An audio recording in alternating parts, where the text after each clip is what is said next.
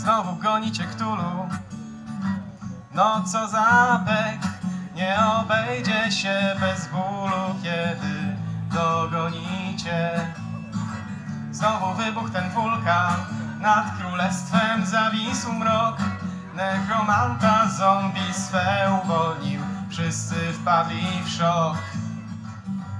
Miałeś być Cześć, jestem e, Jakub e, Sil Węgrzynowicz. No, jestem ogólnie e, siłą napędową polskiego RPGowania.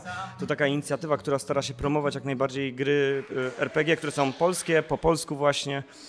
No i właśnie polskich autorów przede wszystkim. Chcę wyciągnąć z całych Dni Fantastyki jak najwięcej.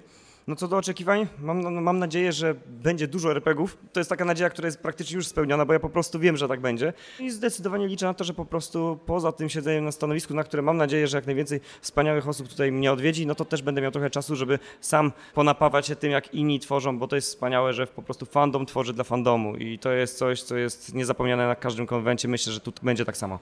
Będziesz prowadził gry RPG dla uczestników, dla chętnych? Tak, będę prowadził gry fabularne, będę prowadził RPG. Mm, Dokładnie Age of Sigmar to jest e, właśnie RPG z uniwersum Warhammera, e, taka jakby kontynuacja Warhammera Fantazy, którego więcej osób na pewno kojarzy. I będę prowadził krótkie sesje takie pokazowe, typowo, żeby pokazać mechanikę, pokazać uniwersum. I będą to sesje właśnie po półtorej godziny. Myślę, że e, trochę osób się, mam nadzieję, przewinie przez stoisko. No i z miłą chęcią zaznajomię po prostu te osoby z tym uniwersum. Myślę, że mogę zrobić taką zajawkę. Ogólnie mm, będzie to scenariusz opierający się o świetlistą włócznię, czyli miasto, które zostało odzyskane przez tych dobrych, tych po stronie Sigmara. Przyjeżdżają tam właśnie nasi bohaterowie po to, żeby być jakby na takiej specjalnej misji w podziemiach w poszukiwaniu tajemnic właśnie podziemi tego miasta, ale po drodze i właśnie ten scenariusz dzisiejszy będzie się na tym skupiał, dzisiejszy, jutrzejszy, że po drodze t- natrafiają na taki spisek, e, ponieważ e, bezdomni na ulicach e, trafiają do przytułku, w którym z pozoru jest wszystko super, a w praktyce chaos już zasiał swoje ziarno. Zapraszam wszystkich serdecznie na kanał Polskie RPGowanie. Znajdziecie tam zarówno poradniki, jakieś informacje o RPGach, no i relacje z konwentów. Więc jeżeli takie rzeczy Was kręcą, to serdecznie zachęcam. Turlejcie kosteczki, bo są wspaniałe. Hejo, jestem Waffelnator, e, cosplayer od dwóch, trzech lat. E, Aktualnie jestem Wiedźminem. Z czego składa się twój strój? Koszuli białej, brązowych spodni, e, wysokich skórzanych butów, medalionu ze szkoły niedźwiedzia, bo szkoła wilka to szkoda gadać, no i dwóch mieczy. Brałeś udział w konkursie cosplayowym. Jak się do niego przygotowywałeś? No jakoś tak samo wyszło. Znaczy strój, strój wcześniej zrobiłem, na inny konwent miało być, ale się okazało, że jednak nie pojechałem, więc naprawiłem, poprawiłem niektóre rzeczy i stwierdziłem, że wezmę udział. To przebrałyśmy się za postacie z Genshin Impact. Y, Ja jestem w Sucrose. A ja jestem w Janfej. Jakby Przeważnie jeżdżę na takie konwenty typu, no też żeby poznać dużo innych cosplayerów, na przykład dowiedzieć się czegoś, y, czegoś po prostu pomocnego w szyciu stroju lub stylizowaniem peruki. Też y, dużo, dużo mogę się dowiedzieć po prostu, dużo mogę znajomych poznać bo połowę znajomych, których teraz mam, no to poznałam właśnie na konwentach. Y, Też bardzo fajne jest to, że jak idziesz na konwent w cosplayu, to właśnie dużo osób podchodzi po prostu po zdjęcie i to jest takie urocze, bo nawet tak mniejsze osoby podchodzą. No i to jest też fajne. Ja robię cosplaye. To jest bardzo fajne, jeżeli raz y, zrobienie czegoś Ci się spodoba, to później będziesz robić tego dużo więcej. Y, Cosplay, no to to jest takie bardziej teraz moje hobby. Jak robię cosplay, to mogę się wcielić w tą moją ulubioną postać, w różne postaci w ogóle. Y, No też to jest taka trochę ucieczka od problemów, bym powiedziała, że no nieraz jak się źle czuję, jest jakiś tam problem, to zawsze ubieram ten cosplay, mogę zapomnieć na chwilę, co było i nową twarz pokazać. To trochę tak właśnie jak w teatrze. Maciek z Kuźni Mordoru. No, od DF zaczęliśmy gdzieś od 2019 roku. Zaczynaliśmy od małego stolika pojedynczego, a dzisiaj mamy dużo rzemieślników, fajne warsztaty prowadzimy. Padło magiczne hasło Kuźnia Mordoru. To gdzie my się znajdujemy? Co tu można zrobić? Mordor to się wziął taki żarcik z, od Wałbrzycha, że się śmieją, że czasami to Wałbrzych to Mordor. A że mi się spodobał, to sobie zaadaptowałem nazwę dla siebie. Gdzie nożami zajmuję mniej więcej 6 lat. Właśnie moją specjalizacją, jeżeli chodzi o kowalstwo. Bardziej bym powiedział, że jestem nożownikiem niż kowalem. Nożownik, pamiętajmy, to jest ten, co wykuwa noże, a nie ten, co ludzi dźga na ulicy. I co trzymasz w rękach? Tak, aktualnie rzutki, noże do rzucania, wyglądają trochę jak wskazówki od zegara. Właśnie, rzutki też mamy na naszym stoisku. Możesz sobie przyjść, wszystko mamy elegancko, pokażemy co, jak trzeba robić i myślę, że będziecie trafiać do tarczy. Czyli można nożem rzucać, ale nie tylko, bo można też coś sobie wykuć. Tak, możecie sobie u nas wykuć na przykład nóż, jakieś bardziej tradycyjne rzeczy z kowalstwa typu krzesiwa, bransoletki, wisiorki. Dzisiaj jest trzeci dzień i co najczęściej ludzie wykuwają? Hmm, patrząc na listę, myślę, że noże cieszą się największym powodzeniem. No bo jest to jednak praktyczna rzecz. Noże robimy ze stali użytkowej, czyli wykujecie sobie u nas nóż, możecie go później nam odesłać, elegancko wy, go wykończymy, no i macie bardzo fajną użytkową pamiątkę, która na pewno długo z Wami zostanie. Dobra, znajdujemy się już w kuźni. Tak. No jak słyszycie, koledzy młotkują. Jak się robi nóż? Skupmy się na kabłoczku. Zaczynamy w sumie od kawałka blaszki, jak powiedzmy 10 na 2 cm. Najpierw oczywiście musimy go nagrzać, żeby to stal uplastycznić. I tak, zwykle na początku wykuwamy część sztychu, czyli tak zwany ten czubek. Bo trzeba z prostokąta zrobić coś, co ma przypominać ostrze noża. I po wykuciu tej pierwszej części zajmujemy się tym takim pałąkiem na rękojeść. Stal trzeba nagrzać do kucia, żeby to po prostu szło szybko, bo jak będziemy młotkować, można stal na zimno młotkować, ale ona pęknie. A my chcemy mieć nóż, a nie dwa kawałki na przykład. Panzergalter Drot, dru, drużyna rekonstruująca wczesne średniowiecze, X wiek. E, drużyna z Wrocławia, 25 lat tradycji. Bardzo dużo wiedzy, mamy historyków, Paweł Babi, pisze książki, świetne książki, które są obecnie e, jednym z głównych źródeł na, ten, na rekonstrukcję wczesnośredniowiecznego Połabia. E, I też mieliście prelekcje dla uczestników DF. Zarówno e, te, te same prelekcje historyczne prowadzimy na w wielu wydarzeniach, jakie są. Na przykład teraz była bitwa nad Bugiem i tam też Paweł Babi robił prelekcję historyczną. E, Czyli ktoś może do Was podejść, e, zapytać się, jak działała broń, jak się bili wikingowie, tak? Naturalnie. Jedna z książek e, Pawła Babija to jest e, Wojskowość Słowian Po- Połapskich, która traktuje właśnie stricte o tym, o czym właśnie tak dużo się nie mówi. Jak wtedy właściwie używano tej broni, w jakim charakterze? Cześć, mam na imię Agata i przyjechałam tutaj ze swoim stoiskiem Ametyst Studio, na którym mam ręcznie wykonaną biżuterię, głównie z naturalnymi minerałami. I można sobie zrobić amulet między innymi. Jak wygląda takie tworzenie amuletu? Tak, to zaczynamy od wyboru minerału. Najlepiej wybrać go intuicyjnie, ten, który nas zawoła, i później zabieramy się do stworzenia z niego amuletu na sznureczku, y, taką metodą makramy. Możemy go sobie potem regulować, zdjąć, założyć, zawsze mieć przy sobie. E, Dużym takim tematem tegorocznych DF-ów jest też temat słowiańskości. I widzę, że wśród e, wystawionych materiałów masz między innymi jeden z symboli. Tak, je- jest to najbardziej popularny symbol Lunula, który teraz już w ogóle bardzo się rozsławił. Kobiety go po prostu pokochały, wróciły do niego i czują właśnie płynącą z niego pozytywną moc i wsparcie kobiecości.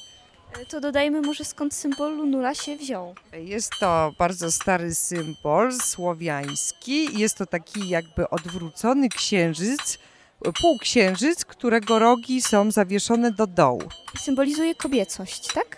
Tak, ogólnie księżyc jest takim bardzo kobiecym symbolem. Jego cykliczność to jest właściwie i fazy księżyca to tak jak fazy kobiety. Także kobiety się świetnie zgrywają z księżycem. I to wszystko na Dniach Fantastyki. Rzeczywiście jest tak, że masz same klientki, czy zdarzają się też klienci? Nie, mam również klientów, mężczyźni również kochają kryształy. Bardzo dużo dzieci interesuje się minerałami, wiedzą po prostu absolutnie wszystko na ich temat. Także bardzo mnie to cieszy, bo teraz ciężko czymś zainteresować dzieciaki, a kryształy je tak przyciągają, że y, mają takie fajne zainteresowania. Rodzice się cieszą, że dzieci robią coś kreatywnego, miłego i co rozwija ich wiedzę. Także ja również jestem z tego bardzo zadowolona. Cześć, nazywam się Natalia Kościńska i zajmuję się słowiańskością. I tutaj na DF-ach już właściwie od 10 lat mam prelekcje związane z tym tematem, tak jak i dzisiaj. Dzisiaj opowiadałam o tym, czym jest dla nas słowiańskość, a jutro pójdziemy trochę w stronę popkultury i literatury. Jak oceniasz zmiany festiwalu? No na pewno ja jestem już coraz starsza i jestem tą coraz starszą gwardią. Na pewno impreza jest coraz większa, jest coraz więcej ludzi, to, to też muszę przyznać. E, I organizacyjnie też widać, że e, organizatorzy cały czas się uczą i każda kolejna edycja jest bardziej dopięta niż poprzednia. I to jest super i mam nadzieję, że jeszcze przez kolejne 10 lat też będę tu bywać. Miałeś wykład o słowiańskości. Czy dostrzegasz te wpływy coraz wyraźniej z roku na rok? Jasne, e, i to nie tylko na kiermaszach, ale też w ogóle na prelekcjach i w programie. No tak jak mówiłam, w 2013 roku byłam tylko ja i zdaje się jeszcze Witek Jabłoński, e, pisarz, też coś tam o tej słowiańszczyźnie wspominał. Dzisiaj natomiast widzę tematów słowiańskich bardzo dużo, łącznie z nazwiskami, których ja już nie kojarzę, bo to się wszystko tak mocno, mocno rozwija. To widać też po tym, ilu pisarzy, pisarek tworzy e, literaturę w nurcie słowiańskim, no ale także po tej biżuterii. No jakby moja kolekcja lunul e, i innych arche- archeologicznych ozdobników rozrasta się w zastraszającym tempie. Powiedz proszę właśnie kilka słów o tej mitologii słowiańskiej, jak ona się wiąże z fantastyką i w którą stronę widzisz jej rozwój. To znaczy, czy e, rzeczywiście na dniach fantastyki to, co najbardziej interesuje ludzi, jest ta mitologia w kontekście bestiariuszy i takiej próby właśnie opowieści, podciągnięcia tego do opowiadań i fantastyki, czy może właśnie to szukanie korzeni? Wydaje mi się, że raczej jednak to szukanie korzeni. To się łączy ze sobą oczywiście, bo tych korzeni możemy też szukać w literaturze i w fantastyce, ale mam wrażenie, że te takie przyciągające tematy to nie tylko to właśnie jak ktoś sobie wyobraża słowiańskość w swojej książce, ale raczej to chociażby jak nasi przodkowie widzieli świat, tak? O demonologii słowiańskiej, e, ludowej, o tym jak wyobrażali sobie te bóstwa i tak dalej, ale też właśnie o tym jak możemy kultywować to dzisiaj, celebrować tę słowiańskość, że tak to ujmę. Oczywiście popkultura, literatura słowiańska są bardzo ważną częścią tego wszystkiego, ale wydaje mi się, że tu chodzi o coś więcej. Nie tylko o popkulturę i o fajne rzeczy do czytania, czego jest bardzo dzisiaj dużo, ale o to, żeby odpowiedzieć sobie na pytanie, kim jesteśmy i jakie jest nasze dziedzictwo i co możemy też zaoferować światu, bo okazuje się, że bardzo dużo. I też mówiąc e, o tej fantastyce, to tutaj bardzo wyraźnie to widać. E, Książki z motywami słowiańskimi są tłumaczone na wiele języków, ale też jest ich coraz więcej. E, Od 2015 roku ja absolutnie nie jestem w stanie być na bieżąco, bo jest tego wydawane tak dużo i mam nadzieję, że nadal to wszystko będzie się rozwijało i, i będzie szło i będziemy odnajdywać swoje takie, swoją przeszłość, także w tych elementach przyszłości, że tak to ujmę. Podczas prelekcji też, y, można powiedzieć, zbombardowałaś kilka mitów. Podziel się proszę ze słuchaczami takimi dwoma, które najbardziej Ci irytują, żeby oni już nie popełniali tego błędu, jeżeli być może im się zdarzyło. Pierwsze Słowianie żyli w zgodzie z naturą. E, Po pierwsze Słowianie, ci wczesnośredniowieczni, nie odróżniali natury od kultury tak bardzo jak my to robimy. Poza tym nie mieli takich możliwości, żeby tę naturę niszczyć tak jak dzisiaj oraz nie mieli wyjścia. To znaczy natura wyznaczała cykl ich życia. Jeżeli w czasie e, żniw nie zbiorą zboża, to będą głodować w zimą. Jakby proste. E, Drugi mit to oczywiście o tym, że o Słowiańszczyźnie w ogóle nie uczy się w szkole. Mm, Uczy się jak najbardziej. Tyle tylko, że my dorośli ludzie w większości po prostu tego nie pamiętamy, a poza tym te treści są często określane innymi nazwami, czyli nie, że to jest słowiańskie, ale to jest ludowe, polskie, e, to jest jakiś element literacki i po prostu bardzo łatwo jest nam to ominąć. Jeszcze jeden, to Wielka Lechia nie istnieje i prawdziwa Słowianka może mieć fioletowe włosy i właściwie może mieć jakie tylko chce włosy. I nie tylko. Odniesienie się do włosów mnie zainteresowało. Chodzi o ten stereotyp, że Słowianka to musi być, tak, blondynka, sotę. Tak, częściowo tak, plus to taki trochę żart, że e, w momencie, w którym zdarza mi się wchodzić w różnego rodzaju dyskusje i polemikę, bardzo częstym argumentem moich e, przeciwników jest to, że nie mogę mówić o słowiańszczyźnie, bo mam fioletowe włosy, a przecież Słowianki takich nie miały. I tak, e, mit o naturalności oczywiście też występuje, ale to jest cała dyskusja filozoficzna na temat tego, co jest naturalne, a co nie. Ale tak, ten mit też funkcjonuje, że jak Słowianki to tylko oczywiście łagodne, gibkie dziewczęta o jasnych włosach. Rozmawiajcie ze swoimi przodkami i szukajcie słowiańskości w sobie i w swoim najbliższym otoczeniu, bo to słowiańskość jest bardzo codzienna i zwyczajna i ona jest już w was.